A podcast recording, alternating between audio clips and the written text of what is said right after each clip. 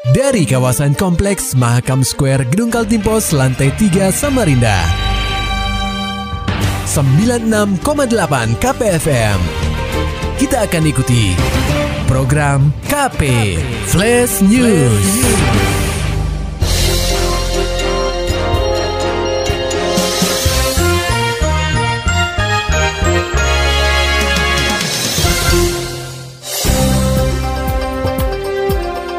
Anda sedang menyimak program KP Flash News bersama saya Agung Pratama. Pendengar KP, Pemprov dan DPRD Kaltim akhirnya telah mengesahkan Ranperda Pajak Daerah dan Retribusi Daerah atau PDRD menjadi sebuah perda. Regulasi ini disinyalir mampu meningkatkan kesadaran masyarakat untuk membayar pajak. Hal itu dikemukakan oleh Kepala Badan Pendapatan Daerah atau Bapenda Kaltim Ismiati. Dalam salah satu klausulnya, poin penting dalam Ranperda tersebut adalah adanya penurunan nilai tarif dari pajak kendaraan bermotor atau PKB dan bea balik nama kendaraan bermotor atau BBNKB. Turunnya tarif tersebut membuat masyarakat diwajibkan untuk membayar pungutan tambahan pajak dengan presentase tertentu atau option PKB untuk kabupaten dan kota. Meski demikian, option PKB ini tidak akan memberatkan masyarakat. Sementara itu untuk tarif BBNKB juga mengalami penurunan dari yang awalnya sebesar 15% menjadi 8%. Poin penting dari ini adalah penurunan tarif jadi kalau dulu tarif kita, tarif PKB itu 1,75 persen PKB kan ya. Sekarang itu tarif kita 0,8 persen. Karena apa? Kita nanti ada kewajiban uh, masyarakat ini dia membayar option PKB untuk kabupaten kota. Jadi diharapkan dengan tarif 0,8 itu ditambah option uh, BBN uh, PKB kabupaten kota itu tidak memberatkan masyarakat. Demikian pula halnya dengan uh, untuk membeli kendaraan baru. Tarif BBNKB dulu 15%, nanti hanya uh, 8 8%. Nah, ini kita apa harapkan uh, bisa meringankan uh, masyarakat untuk memenuhi kewajibannya membayar pajak juga uh, yang untuk ingin memiliki kendaraan baru. Ismi mengatakan pada 2025 mendatang kabupaten dan kota juga akan menerima opsi PKB dan opsi BBNKB sehingga pemerintah provinsi tidak memiliki kewajiban untuk membagikan hasil pajak yang dipungut. Tetapi dari hasil pembayaran pajak tersebut, nantinya akan langsung dibagi untuk pemerintah kabupaten dan kota serta provinsi. Pendengar KP Produk Unggulan Kaltim hadir di Trade Expo Indonesia ke-38. Laporan selengkapnya disampaikan reporter KPFM Samarinda, Maulani Alamin. Pendengar KP, pelbagai produk usaha kecil menengah atau UKM Kaltim ditampilkan dalam Trade Expo Indonesia ke-38 yang berlangsung di Bilangan Serpong Damai atau BSD, Tangerang, Banten. Dinas Perindustrian Perdagangan, Koperasi dan UKM atau Disperindakop UKM Kaltim telah mengkurasi sejumlah UKM. Walhasil ada 26 UKM yang berpartisipasi dalam event tahunan tersebut. Acara terselenggara sejak 19 hingga 22 Oktober 2023. Kepala Disperindakop UKM Kaltim Heni Purwaningsih menerangkan ada tiga sektor produk unggulan Kaltim yang ditampilkan pada Trade Expo Indonesia. Jadi Trade Expo itu sebetulnya merupakan program rutin setiap tahun diikuti oleh Dinas Perindakop untuk memfasilitasi uh, pelaku usaha atau UKM-UKM yang ekspor maupun potensial ekspor. Jadi komoditi untuk tahun ini setiap tahun sebetulnya beragam untuk tahun ini kita bawa ada yang komoditi uh, istilahnya masih raw material itu ada rumput laut, ada pisang, ada kernel, ada juga um, coco fiber. Pada kegiatan tersebut, Disperindakop UKM Kaltim menaruh harapan besar atas produk yang ada di Kalimantan Timur yang ditampilkan dalam Trade Expo Indonesia. Sebab calon pembeli yang berkunjung di Trade Expo Indonesia rata-rata berasal dari luar negeri. KPFM Samarinda, Maulani Al-Amin, melaporkan. Sesaat lagi kita akan simak Parlamentaria DPRD Kaltim persembahan dari 968 KPFM Samarinda.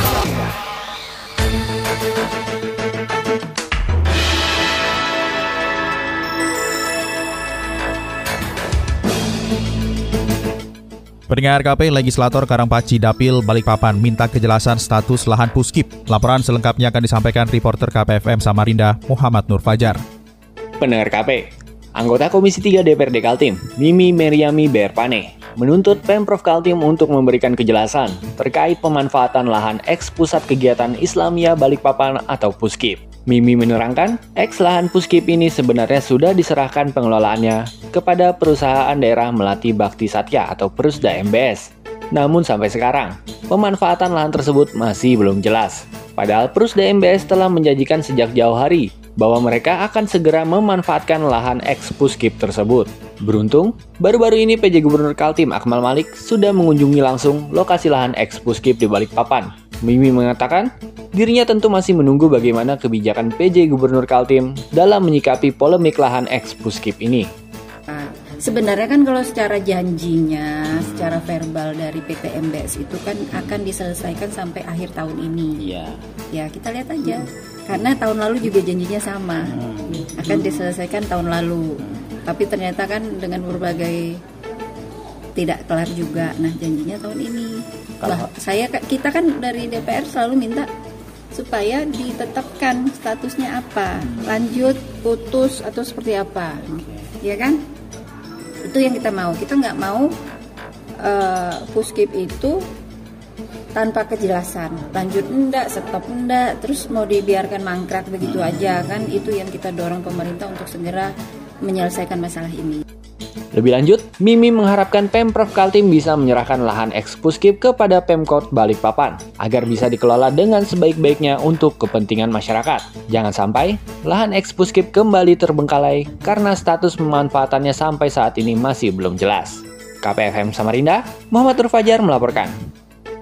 Pendengar KP, para anggota DPRD Kaltim mulai melaksanakan kegiatan serap aspirasi masyarakat di berbagai wilayah di benua etam. Kegiatan serap aspirasi masyarakat ini bertujuan untuk menampung usulan pembangunan kepada Pemprov Kaltim. Baru-baru ini kegiatan serap aspirasi masyarakat dilakukan oleh Wakil Ketua DPRD Kaltim Sigit Wibowo kepada Bunda Paut dan kelompok bermain se-Kecamatan Balikpapan Tengah pada Senin 23 Oktober 2023. Pada kesempatan tersebut, Sigit menyampaikan bahwa kegiatan ini merupakan tugas dan fungsi DPRD Kaltim untuk turun kembali menjemput aspirasi yang akan diperjuangkan melalui pokok-pokok pikiran DPRD Kaltim. Banyak masukan diutarakan Bunda Paut kepada Sigit, di antaranya ialah terkait pemberian insentif. Bunda Paut meminta agar DPRD Kaltim dapat memperjuangkan insentif untuk guru PAUD kepada Pemprov Kaltim. Selain itu, Bunda Paut juga menyampaikan aspirasi mengenai pengadaan beasiswa kepada bunda kelompok bermain yang belum menempuh pendidikan strata 1 atau S1.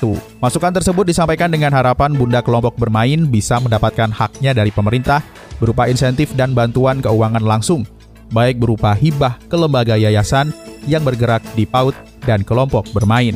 Selanjutnya, para bunda PAUD turut menyampaikan aspirasi mereka terkait sarana prasarana PAUD terpadu. Mereka berharap agar pemerintah dapat memberikan bantuan untuk memperbaiki sarana prasarana tersebut. Kegiatan reses yang dilakukan oleh Sigit Wibowo ini pun diklaim merupakan langkah positif untuk menyerap aspirasi masyarakat kepada daerah pemilihan atau dapilnya. Berita selanjutnya, pendengar KP sebanyak 23 organisasi perangkat daerah atau OPD di lingkungan Pemprov Kaltim mendapat rapor merah. Hal itu diperoleh karena daya serap anggaran mereka yang rendah. Rendahnya realisasi anggaran 23 OPD tersebut tentunya mendapat sorotan tajam dari Wakil Ketua DPRD Kaltim Muhammad Samsun. Menurutnya anggaran yang tidak terserap membuktikan bahwa belanja daerah tidak beredar optimal di masyarakat sehingga berdampak pada penundaan hak warga. Samsun menerangkan beberapa OPD yang memiliki serapan anggaran rendah antara lain Dinas Pendidikan dan Dinas Kesehatan. Melihat bidang yang ditangani dua OPD tersebut, kedua dinas itu memiliki hubungan langsung dengan kepentingan masyarakat. Meski demikian, Samsun memilih untuk melihat lebih jelas kendala yang dialami OPD dalam menyerap anggaran yang tersedia sebelum melakukan evaluasi. Jika ada kendala di regulasi, maka seluruh pihak harus bisa mencari solusi supaya tidak menghambat pelayanan masyarakat. Politisi PDIP ini menyebutkan faktor lain penyebab penyerapan anggaran yang rendah yaitu perencanaan kegiatan yang belum matang. Oleh sebab itu, Samsun mendorong perangkat-perangkat daerah memperhatikan aspek teknis dalam pelaksanaan pembangunan. Lebih lanjut, Samsun meminta sejumlah OPD yang memiliki serapan anggaran rendah untuk segera memperbaiki kinerjanya demi peningkatan pelayanan kepada masyarakat. Pendengar KP, demi menyempurnakan draft Ranperda Pengaruh Utamaan Gender atau PUG, Komisi 4 DPRD Kaltim bersama sejumlah kepala organisasi perangkat daerah atau OPD di lingkungan Pemprov Kaltim melaksanakan rapat kerja di Platinum Hotel and Convention Hall Balikpapan pada Kamis 19 Oktober 2023. Pertemuan yang membahas ranperda tentang perubahan Perda Provinsi Kaltim nomor 2 tahun 2016 tentang pengaruh utamaan gender dalam pembangunan daerah ini dipimpin Wakil Ketua Komisi 4 DPRD Kaltim Puji Setiawati bersama anggota Komisi 4 Rusman Yakub. Wakil Ketua Komisi 4 DPRD Kaltim Puji Setiawati menyampaikan usaha peningkatan pembangunan pengaruh utamaan gender haruslah dilaksanakan secara serius dengan melibatkan antar OPD sekaltim. Puji membeberkan tujuan utama dibentuk regulasi pengarah utamaan gender ini adalah agar tercipta kesetaraan dan kesempatan yang sama didapatkan oleh kaum hawa, sehingga tidak ada lagi kesenjangan dalam hal akses, partisipasi kontrol terhadap sumber daya, dan manfaat pembangunan yang didapat, baik laki-laki maupun perempuan di berbagai bidang pembangunan. Politisi Demokrat ini menjabarkan pelaksanaan PUG ini adalah strategi untuk mencapai kesetaraan dan keadilan gender dalam aspek kehidupan melalui program dan kebijakan yang memperhatikan pengalaman, aspirasi, kebutuhan dan permasalahan untuk memberdayakan laki-laki dan perempuan dengan berbagai tahapan perencanaan, penyusunan, pelaksanaan, pemantauan, evaluasi dari seluruh kebijakan, serta program kegiatan di segala bidang kehidupan pembangunan nasional dan daerah. Senada anggota Komisi 4 DPRD Kaltim Rusman Yakub menambahkan kehadiran OPD sebagai bentuk mengakomodir kebutuhan dari masing-masing instansi karena OPD yang paling paham dalam penggunaan perda ini. Urgensi menghadirkan OPD dalam pembahasan ran perda pengaras utamaan gender ini Rusman menambahkan adalah untuk meminta masukan-masukan apa saja yang bisa dihimpun untuk dimasukkan dalam draft ranperda. Hal tersebut dilakukan supaya dalam perspektif keterlibatan pembangunan di daerah tidak ada lagi pemilahan antara jenis kelamin, sehingga perempuan dan laki-laki secara prinsip sama dan tidak ada lagi tindakan diskriminatif. Terima kasih. Baru saja kita simak Parlamentaria DPRD Kaltim. Persembahan 968 KKPFM Samarinda.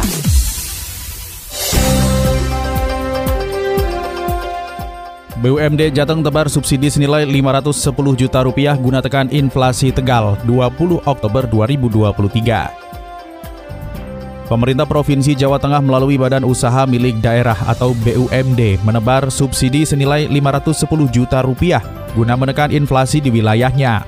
Bertajuk Gerakan Pangan Murah atau GPM BUMD Jateng Peduli Inflasi, beras subsidi sebanyak 170 ton dijual dengan harga murah di 17 daerah di Jawa Tengah dengan indeks perkembangan harga tertinggi.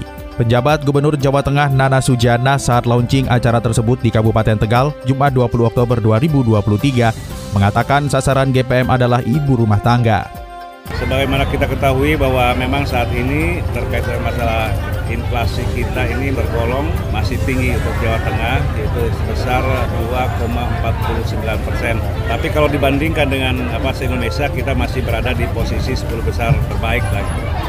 Dan yang saat ini BMD Jawa Tengah peduli inflasi ya, ini akan kami lakukan di 17 kabupaten kota yang IPH-nya indeks perkembangan harga tertinggi. Hari ini kita meluncing baru tiga wilayah, yaitu di Tegal, kemudian uh, Wonosobo dan Magelang gitu.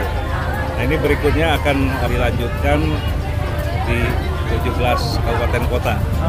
Sementara itu, salah seorang warga Desa Kaligayam, Kecamatan Talang, Kabupaten Tegal, bernama Komariah mengaku senang dengan adanya program tersebut. Sebab ia dapat membeli beras medium dengan harga lebih murah dari harga di pasar. Dalam kesempatan tersebut, Nana Sujana juga menyerahkan bantuan secara simbolis kepada pemerintah Kabupaten Tegal berupa 10 ton beras dan bantuan kepada tiga panti asuhan masing-masing 10 juta rupiah. Maulani Alamin, Muhammad Nur Fajar, KPFM Samarinda serta dapatkan berita-berita selengkapnya di www.968kpfm.co.id. Demikian tadi telah kita simak rangkaian berita-berita yang terangkum dalam program KP Flash News. Persembahan dari 96,8 KPFM. Terima kasih dan sampai jumpa.